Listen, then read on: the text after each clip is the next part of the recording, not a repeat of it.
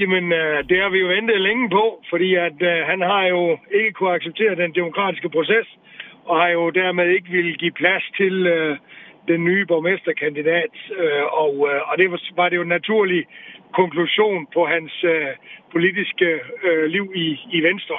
Så, så, øh, så det var regnet, og, og øh, også håbet på, at det gik så hurtigt, som det nu gjorde. Hvor godt vil I samarbejde med det nye parti? ja, det er jo svært at sige. Det kan, det, er jo, det, det kan kun fremtiden jo vise, men, men problemet, uh, problemet kan jo være, at, at hvis borgmester, den afgående borgmester, Henrik Fransen, ikke ønsker at være i samme rum som, som mig, så bliver det jo lidt svært at samarbejde. Martin, øh, her til sidst, øh, om lidt over, lidt over et år, så har der været kommunalvalg rundt i Danmark, også i Tønder Kommune selvfølgelig. Mm. Hvem er borgmester efter valget næste, næste år? Jamen, det er, det er, det er nok øh, i hvert fald ikke Henrik Fransen, øh, vil jeg sige.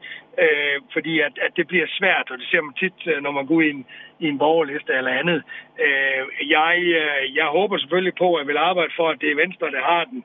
Men, øh, men øh, Venstre vil fortsat være det største parti i Tønder Kommune, om, øh, om et år, og, øh, og det er det, vi sætter alle sejlene for. Det skal vi gøre ved, at vi holder det, vi lover, og at øh, vi tager beslutninger ud fra faktabaserede øh, øh, oplysninger, og at vi inkluderer det, og det er det, øh, jeg vil øh, stå for i øh, fremadrettet.